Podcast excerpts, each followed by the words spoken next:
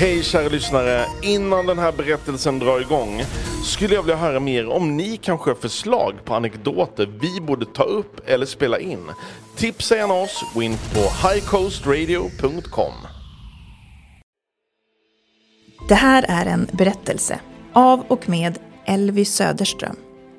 Lyssna på Öviks tidigare kommunalråd Elvy när hon berättar om sin företrädares samtal med Luftfartsverket om transporten till och från Öviks flygplats. En dag så bestämde sig min företrädare Vidar Fahlén för att ha ett samtal och tala förstånd med Luftfartsverket.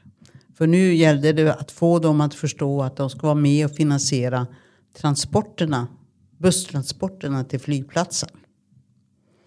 Så kom representanterna från Luftfartsverket och då sa vi där, det är viktigt att ni förstår att staten måste hjälpa till att finansiera det här. Då sa en av dem och la huvudet på sned. Men du förstår. Det går inte. För att om vi skulle finansiera delar av det som gäller Örnsköldsvik. Då skulle vi få göra det i stort sett överallt. För Örnsköldsvik flygplats går inte med vinst. Och egentligen så är det bara en som går med vinst och det är Arlanda. Då sa Vidar. Säger ni det pojkar? Jag vet inte, då har jag ett tips. Då tycker jag att ni ska flyga upp och ner där.